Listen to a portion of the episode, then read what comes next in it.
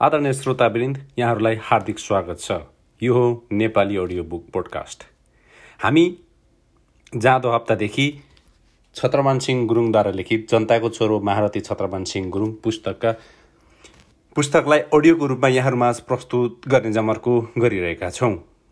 हामीले जाँदो हप्ता पुलिमराङदेखि शशी भवनसम्मको अध्याय यहाँहरूमाझ प्रस्तुत गरिसकेका छौँ। आज हामी जन्म र शिक्षा दीक्षा शीर्षकमा पृष्ठ बाह्रबाट यहाँहरूमाझ प्रस्तुत गर्न गइरहेका छौँ।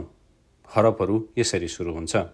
म इमान सिंह गुरुङ र इमादेवी गुरुङको माइलो छोरो हुँ। मेरो नाम मेरो बुवाले राखिदिनु भएको हो। मेरो जन्म तत्कालीन पश्चिम तिन नम्बर तनहुँ पुलिमराङ अहिलेको गण्डकी अञ्चल तनहुँ जिल्ला रिस्ती गाविस वडा नम्बर सात पुलिमराङ गाउँ हो।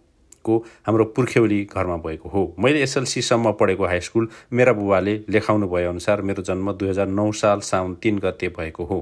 हाम्रा पुर्खा पुलिमराङभन्दा माथि समुद्र सतहदेखि चौन्न सय फिट उचाइमा रहेको ऐतिहासिक महत्त्व बोकेको मिर्लुङ कोटमा बस्थे। पछि पुलिमराङको खेतीयोग्य फाँटमा छरेका हुन्। त्यसैले हाम्रो खलकलाई मिर्लुङ्गे लाम्छाने अर्थात् गुरुङ भाषामा लेमे पनि भनिन्छ। त्यसभन्दा पहिला हाम्रो पुर्ख्यौली लमजुङको प्रख्यात गुरुङ गाउँ बोजुङबाट बसाइ सरेको भनिन्छ। दुई हजार सात सालसम्म मेरो मेरा बाजे बलबहादुर गुरुङ सात सय मिर्लुङ अर्थात् सात सय घरधुरीका मुखिया र जिम्माल दुवै हुनुहुन्थ्यो। सात सालपछि दुई हजार सत्र सालसम्म त्यो गाउँकोमा मात्र सीमित भयो। बाजेको देहान्तपछि जेठा नातितर्फ जिम्बा र कान्छा बाजे दलबहादुरतर्फ मुखियाली सर्न गयो। सत्र सालमा राजा महेन्द्रको कदमपछि यो प्रथा हटाइयो। हाम्रा बाजे बलबहादुर र कान्छा बाजे दलबहादुर गुरुङ नेपाली सेनाका सुवेदार हुनुहुन्थ्यो। सैनिक सेवा सकिएपछि उहाँहरूले मुखिया र जिम्बाल चलाउनुका साथै खेती किसानी गर्नुभयो। हाम्रो पुर्ख्यौली पेसा खेती किसानी नै हो। हाम्रो जेठा बुबा बुद्धिबहादुरको जन्मपछि जेठी बजैको मृत्यु भयो अनि बाजेले दोस्रो विवाह गर्नुभएछ। माइली हजुरआमाकै कोखबाट उन्नाइस सय उनासी सालमा हाम्रा बुबाको जन्म भएको रहेछ। हाम्रो बुबा र आमाको विवाह उहाँहरू क्रमशः दस वर्ष र सात वर्षका हुँदा भएको रहेछ।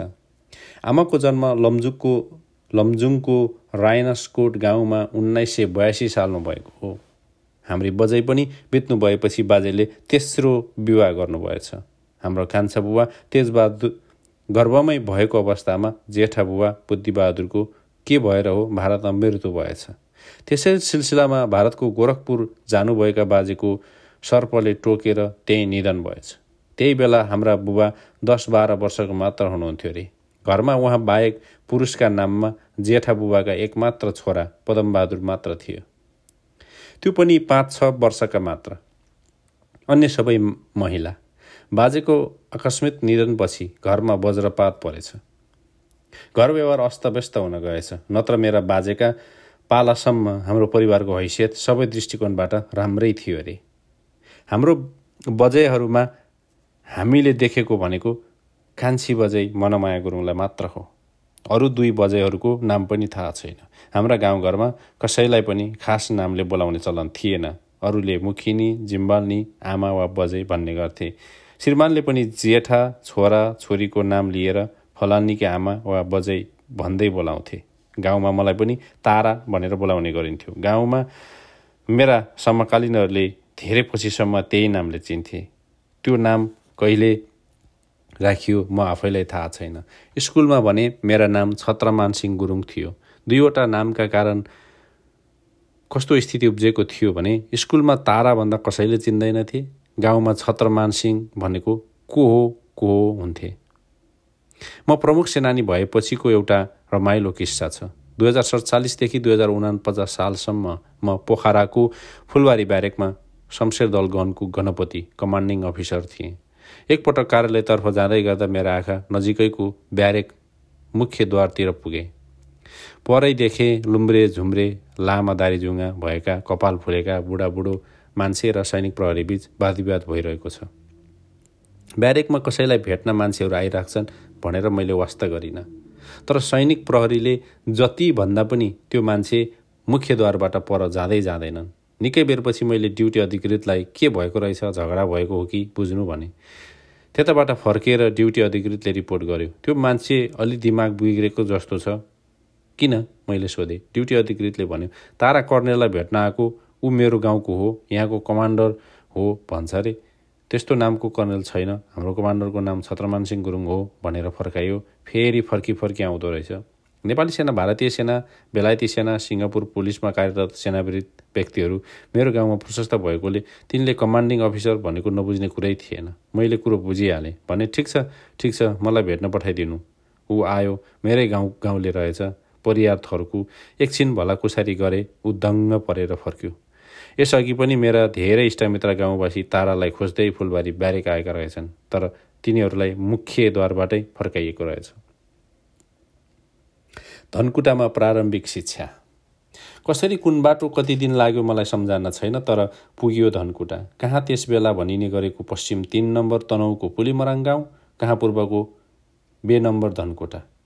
त्यस बखत नेपालमा धेरै कम मोटर बाटो धेरै कम गाडी अधिकांश पैदल हिँड्नुपर्ने भारत भएर जानु परेको थियो अरे अनुमान गर्न सकिन्छ कति दिन लाग्यो होला भनेर। त्यहाँ पुगेपछि अरू कसैको घर डेडा गरेर बसेका रहेछौँ। बुबा काममा निकै व्यस्त हुनुहुन्थ्यो प्राय बेलुका अबेरै आउनुहुन्थ्यो। हामीलाई त्यहाँको प्रचलित गोकुण्डेश्वर हाई स्कुलमा भर्ना गराइदिनु भएको थियो। दाई डम्बरमानलाई खै कति कक्षामा हो थाहा भएन। मलाई चाहिँ आम्ने सामनेको फर्केका मुख्य भवनहरूको बाहिर पूर्वपट्टि काठको घरमा सबैभन्दा तल्लो तहमा नाम लेखाइदिनु भयो। मैले त्यहीँ क ख गको सुरुवात गरेको हुँ। त्यहाँ त्यस बेला नर्सरी लोवर अप्पर केजी आदि भन्ने थिएन। पछि थाहा भयो बुबाले हामी दाई दुई भाइलाई पढाउनको लागि त्यति टाढा सँगै लैजानु भएको रहेछ। पछि पछि थाहा हुँदै गयो हाम्रो बुबा नेपाली काङ्ग्रेसको नेतृत्वमा दुई हजार सात सालमा राणा शासन विरुद्ध सञ्चालन गरेको क्रान्तिमा तनहुको तत्कालीन सदरमुकाम बन्दीपुर कब्जा गर्न जाने सशक्त युवा मुक्ति सेनाको योद्धा हुनुहुँदो रहेछ। बन्दीपुर कब्जा गर्ने क्रममा लामो सशक्त भिडन्त भएछ। मुक्ति सेना र तत्कालीन राणाको सेनाबीच तत्कालीन राणाको सेनाको गोलीबाट बखान सिंह गुरुङका कान्छा छोरा धर्मदोज लगायत छजना युवा मारिएछन्। राणाको सेनाले बन्दीपुर छाड्यो र बन्दीपुर काङ्ग्रेसको कब्जामा आयो। पछि सरकारले धर्मध्वज गुरुङ लगायत छजना युवालाई नै शहीद घोषणा गर्यो। सात सालको सफल क्रान्तिपछि काङ्ग्रेस समेत सम्मिलित भएर बनेको सरकारले मुक्ति सेनालाई रक्षा दल नामाकरण गरेछ। मुक्ति सेनाका लडाकुहरूको उचित कदर गर्ने सिलसिलामा हाम्रा बुबालाई एकैचोटि सुबेदारको दर्जा दिएको रहेछ। बुबाले भन्नुभयो म नेपाल पुलिसको सब इन्सपेक्टर उहाँ पुलिसको पोसाक र दुई तारे दर्जाने चिन्ह पनि लगाउनुहुन्थ्यो। हामीले केही बुझेका होइन। त्यसमाथि त्यो दर्जनको दर्जाको उच्चारण गर्न पनि सक्दैनथ्यौँ। मलाई लाग्छ त्यो सायद दुई हजार बाह्र सालमा पुलिस ऐन लागू भई पुलिसको साङ्गठनिक व्यवस्थापन गर्ने समयतिर हुँदो हो। भर्खर जमेको पुलिस तलब कम रासन आवास तथा अन्य सुविधा पनि केही थिएन। सुक्खा तलब त्यसमाथि धनकुटाको त्यस्तो महँगी भारू मात्र चल्थ्यो नेपाली पैसा चल्थेन। अनुमान गर्न सकिन्छ दैनिकी चलाउन कति गाह्रो भयो होला। धनकुटामा बिहिबार हाट खुब लोकप्रिय थियो। त्यहाँ सर्वसाधारण जनताले आफ्नो उत्पादन बेच्ने र बजारका सामान किन्ने गर्थे। मेरा दाई डम्बरमान किनमेल गर्न जान्ने हिसाबको लागि पनि राम्रो। बिहिबार हाटैमा हुन्थ्यो हाम्रो किनमेल। म सानै भएकोले सानोतिनो सघाउ गर्थेँ। हामी आमा निरक्षर भए पनि घरको काममा धेरै मेहनत गर्नुहुन्थ्यो। केही समयको लागि रोमबहादुर थापा मगर एसएसपी भएर धनकुटा आए। यिनी अत्यन्त शालीन व्यक्ति थिए तर धेरै बसेनन्। पछि यिनी Nepal प्रहरीका inspector general of police IGP भए। त्यस बखत धनकुटामा बडा हाकिम हुन्थे। बडा हाकिमको दरबार हुन्थ्यो। बडा हाकिम त्यहीँ बस्थे। दरबारसँगै सेनाको ब्यारेक हुन्थ्यो। सेना थियो। सेना बडा हाकिमको मातहतमा हुन्थ्यो। हामी दरबार नजिक जान पनि पाउँदैनथ्यो। अहिले बुझ्दा त्यो श्रीजङ हिमाली राइफल कम्पनी रहेछ। तर यतिभन्दा दुई हजार सत्र सालमा राजा महेन्द्रले सत्ता लिएपछि देशभरिका राम्रा र सक्षम व्यक्तिहरूको खोजी गरी आम नागरिकलाई बडा हाकिम बनाएर पठाउन थाले। मेरा हुनेवाला ससुरा अर्थात् कमलाका बुवा रत्नबहादुर गुरुङलाई दुई हजार अठार सालमा प्युठान र पछि धनकुटाकै बडा हाकिम बनाएर पठाएछ। मेरा ससुरा कमला सपरिवार त्यसै दरबारमा बसेछन्। कमलाको कमलाले पनि खेल मैदानकै पूर्वपट्टिको गोकुण्डेश्वर छात्र हाई स्कुलमै पढी छिन् दुई हजार बाइसदेखि दुई हजार चौबिस सालसम्म कक्षा छ सात र आठमा। त्यति बेला हामीले चाहिँ धनकुटा छाडिसकेका थियौँ। आदरणीय श्रोताबिन्द हामी फेरि पनि यहाँहरूमाझ यी हरबरलाई निरन्तर गर्नेछौँ। त्यस बेलासम्मको लागि यो मिठो गीत यहाँहरूमाझ।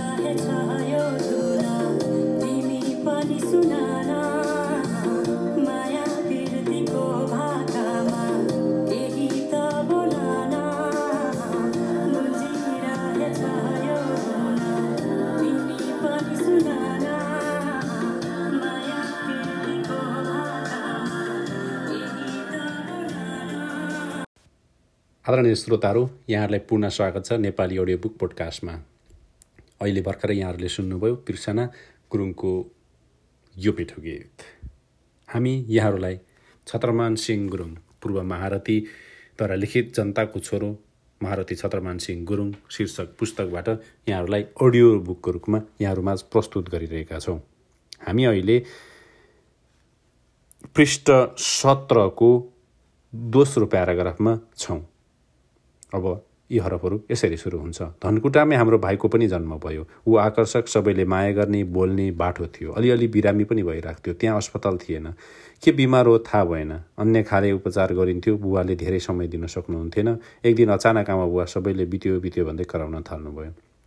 भाइलाई अगनमा सुताइएको छ। बोल्दैन। अचल छ पहेँलो छ। सबै रुन थाले। भाइको मृत्यु भइसकेको रहेछ। के रोगले हो? थाहा भएन। मैले मृत बच्चा यसरी देखेको पहिलोचोटि हो। पुलिसका व्यक्तिहरू तुरुन्तै जम्मा भए। भाइलाई बोकेर धनकुटा बजार नजिकैको सल्लाहगारीतर्फ लगे। केही समयपछि फर्के। पछि थाहा भयो त्यही गाडेर आएका रहेछन्। हामी दिनभर स्कुल जाने बुबा दिनभर कार्यालय आमा एक्लै झ्यालबाट त्यही सल्लाहगारीतिर हेरेर दिनभरि रोइरहनुहुन्थ्यो। हामी बेलुका फर्केपछि मात्र उहाँको रुवाई थामिन्थ्यो। धनकुटामा त्यस बेला गुरुङ भनेको के हो भन्थे? हामी आमा केवल गुरुङ भाषा मात्र बोल्ने बुझ्ने। कहाँ त्यस बेलाको धनकुटाको फरक भाषा संस्कृति र चालचलन? आमा आफूलाई एकदम एक्लो अनुभव गरिराख्नुहुन्थ्यो। एकपटक बुवाले आमा र मलाई छाडी दाइलाई लिएर आठराई जाने भनेर निस्कनु भयो भरे भोलि नै फर्किनु होला भनेको कयौँ दिन आउनु भएन। धेरै दिनपछि थुप्रै झगडिया लिएर आउनुभयो। म पछि ताप्लेजुङमा गोरखबस गुल्मको गुल्मपति हुँदा थाहा भएँ आठराई त ताप्लेजुङ नजिकै रहेछ। त्यस बेला आठराई क्षेत्र पनि धनकुटा गौडाबाटै हेरिँदो रहेछ। अहिले आठराई ताप्लेजुङ जिल्लामा गाभिएको छ। धनकुटामा स्कुलको पढाइ पनि राम्रो थियो। स्कुलको खेल मैदान निकै ठुलो थियो। धनकुटाका युवाहरू फुटबल राम्रो खेल्थे। दाइले त पहिल्यै खेल्न सुरु गर्नुभएको थियो। म सानै थिएँ। मलाई खेलमा मिसाउँथेनन्। अलि ठुलो भएपछि मलाई पनि बल हान्ने इच्छा हुन थाल्यो। मेरा इच्छालाई मनन गरेर त्यो ठुलो बल नै हान्न दिएँ। त्यस बेला सानो बल हुन्थेन। कसेर हानेको ढुङ्गाको पहरामै हाने जस्तो भयो। भुतुक्कै भएँ खुत्रुक्कै बसेँ। त्यस बेलाको बल बाक्लो साह्रो छालाभित्र रबरको ब्लाडरमा पम्पले हावा टन्न भरिन्थ्यो। हावा लिक हुन था नदिन ब्लाडरको टुप्पो दोबारेर फलामको आईको मद्दतले भित्र घुसारिन्थ्यो। बाहिर बलको मुख छालाकै तनाले बन्द गरिन्थ्यो। अनि किन नहोस् त त्यो फुटबल ढुङ्गा जस्तो? खुट्टा केही दिन दुखी रह्यो केही दिन खेलिनँ। मैले पनि छाडिनँ। बिस्तारै बिस्तारै खेल्न सुरु गरेँ। दाइ राम्रै खेल्नुहुन्थ्यो। एकपटक धनकुटाका केही युवाहरू हार्मोनियम मादल बाँसुरी आदि बाजाहरूसहित जम्मा भए। आपसमा सल्लाह गरेर गीत रचे सङ्गीत भरे र त्यो गीत एउटा ठुलो कार्यक्रममा गाए। यसरी आधुनिक गीत रचिने आधुनिक सङ्गीत भरिने र गाइने रहेछ भन्ने मैले पहिलो पटक थाहा पाएँ। एकपटक बिदाको दिन थियो। हामी सबै डेढामै थियौँ। कसैलाई थाहै नदी म घरबाट फुत्त निस्केर सधैँ स्कुल जाने बाटोमा पर्ने बजारतिर लागेँ। एउटा पसलमा झुप्पा मान्छेहरू थिए। कागजका टुक्रा जस्ता खेलिराखेका थिए। मैले उत्सुकतापूर्वक हेरिरहेँ। एक्कासी बुबा र दाईको स्वर सुने। तँलाई यो तास खेल्ने ठाउँमा मेरो त सातै गयो। कुलेलाम ठोकेँ। घर पुगेर आमालाई भने। आमाले सोध्नुभयो किन गएको त तास खेलेको ठाउँमा? मैले भने मलाई के थाहा त्यो तास खेलेको? भनेर। मैले अहिलेसम्म पनि तासप्रति कहिल्यै लगाव राखिनँ। अन्य कुनै प्रकारको जुवा खेलेको छैन। हाम्रो अर्को भाइ पनि जन्मियो। आमाले त्यो पुरानो पीडालाई केही हदसम्म राहत पाउनुभयो। एकपटक त्यो ठुलो खेल मैदानमा थुप्रै मान्छे जम्मा भएर फलानुलाई भोट दिनुहोस् भनेर कराइरहेका थिए। बुवा खेल मैदानमा मान्छे मिलाउने अव्यवस्थित गर्ने व्यवस्थित गर्ने उच्चतम पुलिस अधिकारी भएको देखेँ। त्यो रहेछ दुई हजार पन्ध्र सालको पहिलो आम निर्वाचन। हामीले धनकुटा छाड्यौँ। दुई हजार पन्ध्र सालको चुनावपछि बुवाले भन्नुभयो म काठमाडौँ सरुवा भएँ। धनकुटाबाट फेरि कति टाढा पुगिने हो भनेर पिर लाग्यो। विशेष गरी आमा र मलाई। बुबा र दाईले गुरुङ भाषामा भन्नुभयो नेपाल जाने क्या नेपाल? ए हो र भन्दै आमाले अनुहार उज्यालो बनाउनु भयो हाम्रोतिर त्यतिखेर काठमाडौँलाई नेपाल भन्ने गरिन्थ्यो। नेपाल आमालाई थाहा नहुने कुरै भएन किनकि बाजेहरू सेनाका सुबेदार हुँदासम्म काठमाडौँमै सपरिवार बस्नुहुन्थ्यो। बुवालाई सानोमा काठमाडौँमा पढाउनु भएको रहेछ। म पनि अब गाउँको नजिक नजिकै पुग्न लागेको थाहा पाएर खुसी भएँ। काठमाडौँ जाने कुरा भइराखेको बेला एकजना नौलो मान्छे आए हामी बस्ने घरमा। उनी आमाको नजिकै बसे सानो फलामको सनासो समातेर आमाका कानतिर लगे। त्यो सनासोले आमाका दुवै कानका गहनाहरू पिटिक पिटिक गर्दै एकै क्षणमा भुइँमा खसाले आमाका कान बुच्चै भए अरू गहना पनि लिएर केही पैसा दिई उनी हिँडे। पैसा कति थियो थाहा भएन। ती सुनारका सुनारबाट बुवाले काठमाडौँ जाने खर्च जोहो गर्नुभएको रहेछ। हामीले धनकुटा छाड्यौँ पैदल ओह्रालो झड्यौँ। हामीसँग एकजना स्थानीय भरिया पनि थिए। तल फेदीमा ठुलो नदीमा झोलुङ्गे पुल थियो तर्यौँ। नाम थियो मूलघाट। त्यो तम्मोर नदी रहेछ। कति दिन कति बास बसियो थाहा भएन। केही समथर जग्गा सानो बजार कच्ची बाटो एउटा खाली ठुलो मोटर गाडी अडिराखेको ठाउँमा आइपुग्यौँ। सबैले भन्न लागे धरान आइपुग्यो धरान आइपुग्यो। मोटर गाडी भनेको खाली ट्रक रहेछ। बुबाले यताउति कुरा गरेपछि हामीलाई भन्नुभयो यही मोटरमा जाने। त्यो ट्रक बाहेक कुनै यातायात साधन थिएन। हामीलाई ट्रकको पछाडि उकालेर बस्यौँ।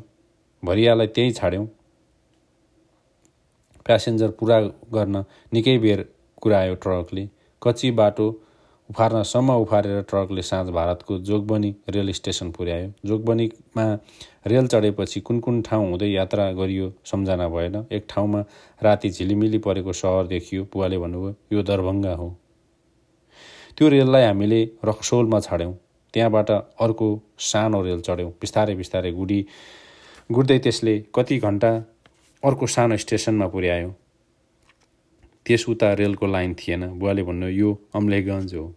अम्लेगञ्जबाट हाम्रो पैदल यात्रा सुरु भयो।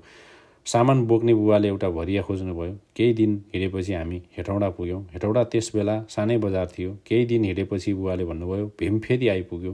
भीमफेदीमा केही पुराना घरहरू थिए लाइने त्यसपछि उकालो सुरु भयो। झन्झन ठाडो ज्यानै लिने उकालो। उकालोमा बिस्तारै हिँडिन्थ्यो। मलाई गाह्रो परेको ठाउँमा मद्दत गर्ने वा डोड्याउने गर्नुहुन्थ्यो बुवाले धनकुराबाटै उकालो सकिएपछि सानो खोला समथर फाँड आयो। कुलेखानी खोला रहेछ। आफूले नचिनेका ठाउँमा बुवाले स्थानीय मानिसहरूसँग सोधपुछ गर्ने गर्नुहुन्थ्यो। कुलेखानीभन्दा निकै माथि एउटा सानो खोला थियो। चितलाङ खोला। त्यहाँ त्यो बिहानको खाना खायौँ त्यसपछि फेरि उकालो लाग्यौँ फेरि ठाडै उकालो आयो तर त्यो चाँडै सकियो। भन्ज्याङ आयो अब थकाइ मार्न पाइने भयो भनेर खुसी भयौँ। यतिकैमा बुवाले भन्नुभयो ऊ काठमाडौँ। बुवाले बाहेक हामीले काठमाडौँ देखेका थिएनौँ। बुवाले इसारा गर्नुभयो र हामीले हेऱ्यौँ काठमाडौँ पुरै देखियो एकदम रमणीय। बुबाले त्यो भन्ज्याङलाई थानकोट भन्ज्याङ भन्नुभयो। अहिले बुझ्दा त्यो थानकोट भन्ज्याङ होइन रहेछ। चन्द्रगिरी पहाड झर्दै गरेको सबभन्दा होचो पहाडी सिलसिला रहेछ। थानकोटभन्दा अलि माथि भन्ज्याङ भन्ज्याङबाट पैदलै ओह्रालो लाग्यौँ। तल आइपुगेपछि बुवाले यो थानकोट हो भन्नुभयो। केही सानो बजार र बस्ती थानकोटमा चाहिँ जिप चढ्यौँ भरियालाई त्यहीँ छाडिदियौँ। साँझतिर हामी जिपबाट ओर्ल्यौँ कहाँ ओर्ल्यौँ थाहा भएन। ठुलै बजार थियो। बुवाले भन्नुभयो। यो पकना जोल हो। अब हामी यहीँ बस्ने हो। आदरणीय श्रोताहरू तपाईँ अहिले नेपाली अडियो बुक सुन्दै हुनुहुन्छ।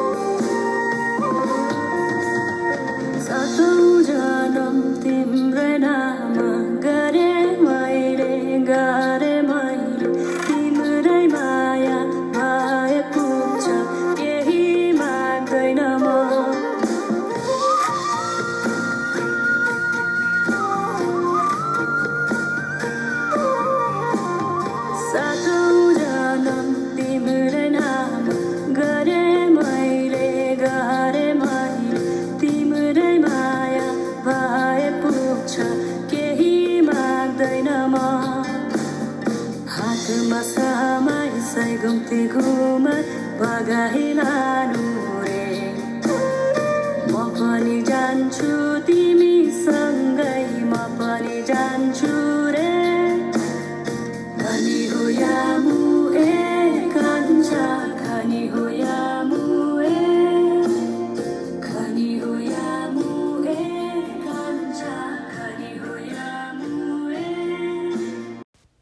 आदरणीय श्रोताहरू यहाँलाई पुनः स्वागत छ। यो हो नेपाली अडियो बुक अहिले भर्खरै सुन्नुभयो त्रिसना गुरुङद्वारा सजिएको यो मिठो स्वर।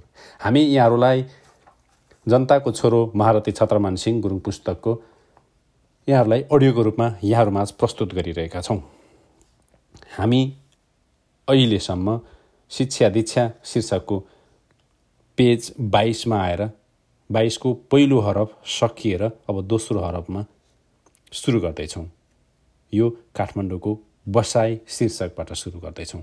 पक्नाजोल ठुलै बजार थियो दोकानहरू बाक्लै। अहिले पनि त्यही त्यति परिवर्तन भएको छैन। धनकुटा जस्तो बजारबाट पक्नाजोल आइपुग्दा ठुलै सहरमा आए जस्तो लाग्यो। त्यो साँझ बुबा हामीलाई सडकको पेटीमै बसिराख म एक छिनमा आउँछु भन्दै एकातिर हिँड्नुभयो। केही छिनमा आउनुभयो र हामीलाई सडकबाट अलि भित्तरतिर लैजानुभयो। पुरानो केही धुवासे मधुरो बिजुली बलेको घरमा हामी पुग्यौँ। बुवाले भन्नुभयो बत्ती तार नछुनु करेन्ट लाग्छ। करेन्ट भनेको के हो मलाई थाहा थिएन। धनकुटामा त्यो बेला बिजुली थिएन। धनकुटाबाट हामी अचानक हिँडेका थियौँ। त्यसैले काठमाडौँमा तुरुन्त बस्ने ठाउँ पाएकोमा खुसी भयौँ। अहिले त्यो घर छैन। त्यस ठाउँमा नयाँ घर बनेको छ। बुवाले केही क्षणमै भाँडाकुँडा दाउरा खाद्य सामग्री जुटाउनु भयो धारा बाहिरै थियो।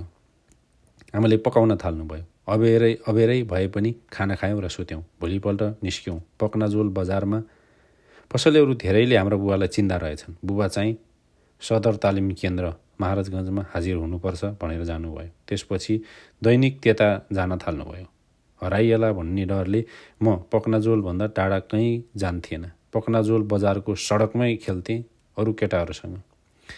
पछि पछि आफ्नो उमेरका निकै केटाहरू साथी भए। त्यतिखेर त्यति गाडीहरू थिएनन्। ठुला बाटोमा फाटाफुटा मोटरसाइकल दौडाउँथे। मसँग खेल्ने केटाहरू मोटरसाइकल ऊ भटभटे भन्थे। खेल्ने क्रममै एक दिन मैले तिनीहरूलाई सोधेँ सदर तालिम केन्द्र महाराजगञ्ज भनेको कहाँ हो? थाहा छ? एउटाले भन्यो थाहा छ अलि पर हो। मैले फेरि सोधेँ लैजान सक्छ किन नसक्नु? सबैले एक स्वरले भने चार पाँचजना लिए होलान् मेरा साथी। तिनले मलाई ठमेल त्यसपछिको खै के बजार हुँदै उकालो र फेरि बजार इलाका हुँदै एक ठाउँ पुर्याएर भने यही हो। गेटमा लेखिएको थियो सदर तालिम केन्द्र तर गेट बन्द थियो। होचो म अग्लो गेट भित्र के छ केही देखिएन। जे होस् बुवाको काम गर्ने ठाउँ यही होला भन्ठाने। यसो वरपर हेर्दै थिएँ सदर तालिम केन्द्रको ठिक अगाडि र दाहिने पछि पछाडि अचम्मै ठुलो घरहरू देखेँ। धनकुटामा बडा हाकिम बस्ने दरबार देखेकोले दरबार नै होला भन्ने अनुमान गरेँ। तर बडा हाकिम बस्ने दरबारभन्दा पनि ठुला थिए। मैले साथीहरूलाई सोधेँ ती घर कसका हुन्? उनीहरूले अर्थ्याइदिए त्यो अगाडिको मोहन शमशेरको दरबार हो। यता पछाडिको चाहिँ कृष्ण शमशेरको दरबार। मोहन शमशेरको दरबारलाई अहिले लक्ष्मी निवास भनिन्छ। अहिले त्यसभित्र विशेष फौजी स्पेसल फोर्सेसको बाहिनी अड्डा प्यारागन अन्य विशेष फौजगण प्यारा तालिम शिक्षालय आदि छन्। म सहायक रथी भएपछि त्यसै विशेष फौजको बाहिनीपति ब्रिगेड भएर बसे। कृष्ण शमशेरको दरबारलाई अचेल शीतल निवास भनिन्छ। त्यहाँ धेरै समय परराष्ट्र मन्त्रालय बस्थ्यो। गणतन्त्र आएपछि त्यो राष्ट्रपति भवनको भवनमा परिणत भएको छ। मलाई त्यही भवनको समारोहको लागि बनाएको ठुलो बैठक कोठामा गणतन्त्र आएपछिको प्रथम राष्ट्रपति तथा नेपाली सेनाका सर्वोच्च परमाधिपति डाक्टर रामवरण यादवबाट नेपाली सेनाको महारथीको दर्जानी प्रदान भयो। देश र जनताका नाममा पद तथा गोपनीयताको शपथ पनि लिए। देश र जनताको नाममा लिएको त्यही शपथप्रति सधैँ प्रतिबद्ध रहे। त्यसबेला काठमाडौँमा ठुलो हैजा फैलिराखेको थियो। मलाई हैजाबारे केही थाहा थिएन तर दैनिक कयौँ मरेका मानिसहरूलाई घाटतिर लैजान्थे। हामीलाई असाध्य डर लाग्थ्यो। अचानक काठमाडौँ आइपुगेकोले हैजाबारे के गर्ने के नगर्ने केही थाहा थिएन। दुई हजार पन्ध्र सालकै कुरा हो यो जस्तो लाग्छ। पछि म काठमाडौँ पढ्दा पन्ध्र सालको ठुलो हैजाको कुरा गर्थे स्थानीय बासिन्दाहरूले। केही दिनपछि एक बिहान धनकुटामा जन्मेको अर्को भाइको पनि अचानक देहान्त भयो। ऊ गरी करिब पाँच छ महिनाको खाके थियो। धनकुटाबाट बोकेरै ल्याइएको थियो। के रोगले बित्यो थाहा भएन। आमाले हैजाले चाहिँ होइन भन्नुहुन्थ्यो। मान्छेहरू जम्मा भए विष्णुमती लैजाने भने सायद नजिकै शोभाभगवती मन्दिर छेउ घाटमा अन्त्येष्टि गरे। आमाले पीडा झन् बल्झियो। केही दिनपछि एक बिहान निद्राबाट बिउजेर हेर्दा आमालाई देखिनँ म त खङ्ग्याङ्गै भएँ। आमा बाहिर कतै जानुहुन्थेन। हत्तिएर सोधेँ आमा खोइ दाइले भन्नुभयो हैजा लागेर अस्पताल लगेको छ।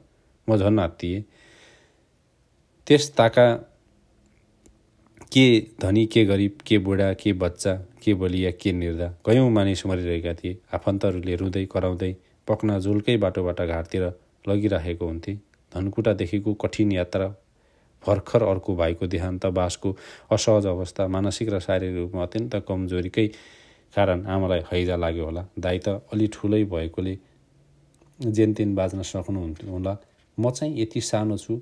आमा बिना त बाँच्नै सक्दिनँ। बुवाले पर्याप्त समय दिनै सक्नुहुन्न भन्ने सोचिरहेको बेला दुईजना परिचित व्यक्ति आए र हामीलाई अस्पताल लैजाने भने आमासँग भेट गराउन हिँडाएरै पुऱ्याए वीर अस्पताल उत्तरतर्फ बटाइटीतर्फको ब्लकको गेटबाट भित्र लगे। त्यहाँ नयाँ घर थियो त्यसको दोस्रो तलामा उकालो पछि म काठमाडौँमा पढ्दा त्यो घरमा नर्सिङ होस्टेल थियो। ठुलो कोठाको भुइँभरि मानिसहरू थिए कोही न निकै शिथिल देखिन्थे। हैजाका बिरामी धेरै भएकाले त्यो ठाउँ खाली गरेर तिनलाई राखिएको जस्तो देखिन्थ्यो। आमा पनि भुइँमै हुनुहुँदो रहेछ। सलाइन चढाउँदै थियो। हामीलाई देखेपछि आमाले अनुहार अलि हँसिलो बनाउनु भयो। तैपनि विश्वास गर्न सकिने अवस्था थिएन। आमालाई झन् कति पिर पर्यो होला। हामीलाई धेरै बेर बस्न दिइएन। पैदलै फर्क्यौँ। वीर अस्पताल भोलि पर्सि पनि कति पटक गयौँ। याद भएन। चाँडै डिस्चार्ज गरिदिए। चाँडै निको हुँदै गयो। अरू जे भए पनि आमा हैजाबाट बच्नुभयो। त्यसैमा हामी एकदमै खुसी भयौँ। आमा एकदम कमजोर हुनुहुन्थ्यो। बुबा कार्यालय गइराख्नुहुन्थ्यो दुई तिन महिना बितेको थियो। हामी काठमाडौँ आएको तर स्कुलमा भर्ना गराएकै थिएनन्। एक दिन अचानक बुवाले भन्नुभयो मेरो पोस्टिङ कुन्छामा भयो। अब कुन्छा जाने। गाउँबाट त्यति टाढा धनकुटा धनकुटाबाट त्यत्रो दुःख गरेर काठमाडौँ आइपुग्यौँ। अब राम्रो बस्ने व्यवस्था होला। स्कुल भर्ना होला भन्ने लागिरहेको थियो। फेरि कहाँको कुन्छ कुन्छ कहाँ हो? मलाई थाहा थिएन। आमालाई चाहिँ थाहा रहेछ। अनुहार अलि उज्यालो बनाएर भन्नुभयो हाम्रो गाउँ नजिकै हो। आमाले माइती लमजुङको राइनसकोट घर आउँदा माइत जाँदा कुन्छाकै बाटो भएर हिँड्नु पर्दो रहेछ। आदरणीय श्रोताहरू तपाईँ अहिले नेपाली अडियो बुक पोडकास्ट सुन्दै हुनुहुन्छ। हामी जनताको छोरो महारथी छत्रमान सिंह गुरुङ पुस्तक यहाँहरूमाझ अडियोको रूपमा प्रस्तुत गरिरहेका छौँ। हामीले आज जन्म र शिक्षा दीक्षा पृष्ठ बाह्रदेखि पृष्ठ छब्बिसको पहिलो प्याराग्राफसम्म आएर स्टप गरेका छौँ। भोलि हामी काठमाडौँबाट कुन्छातर्फ शीर्षक यहाँहरूमाझ प्रस्तुत गर्नेछौँ। यहाँहरूले सुनिदिनु भयो यहाँहरूलाई धेरै धेरै धन्यवाद। हामी केही समय केही दिन जनताको छोरो महारथी छत्रपान सिंह पुस्तक यहाँहरूमा अडियोको रूपमा प्रस्तुत गर्नेछौँ। यहाँहरूले साथ दिनुहुनेछ भन्ने आशाका साथ फेरि भोलि भेट्ने बाचासहित यहाँहरूबाट बिदा हुन चाहन्छु। यहाँहरूको समय शुभ रहोस्। हस्त धन्यवाद।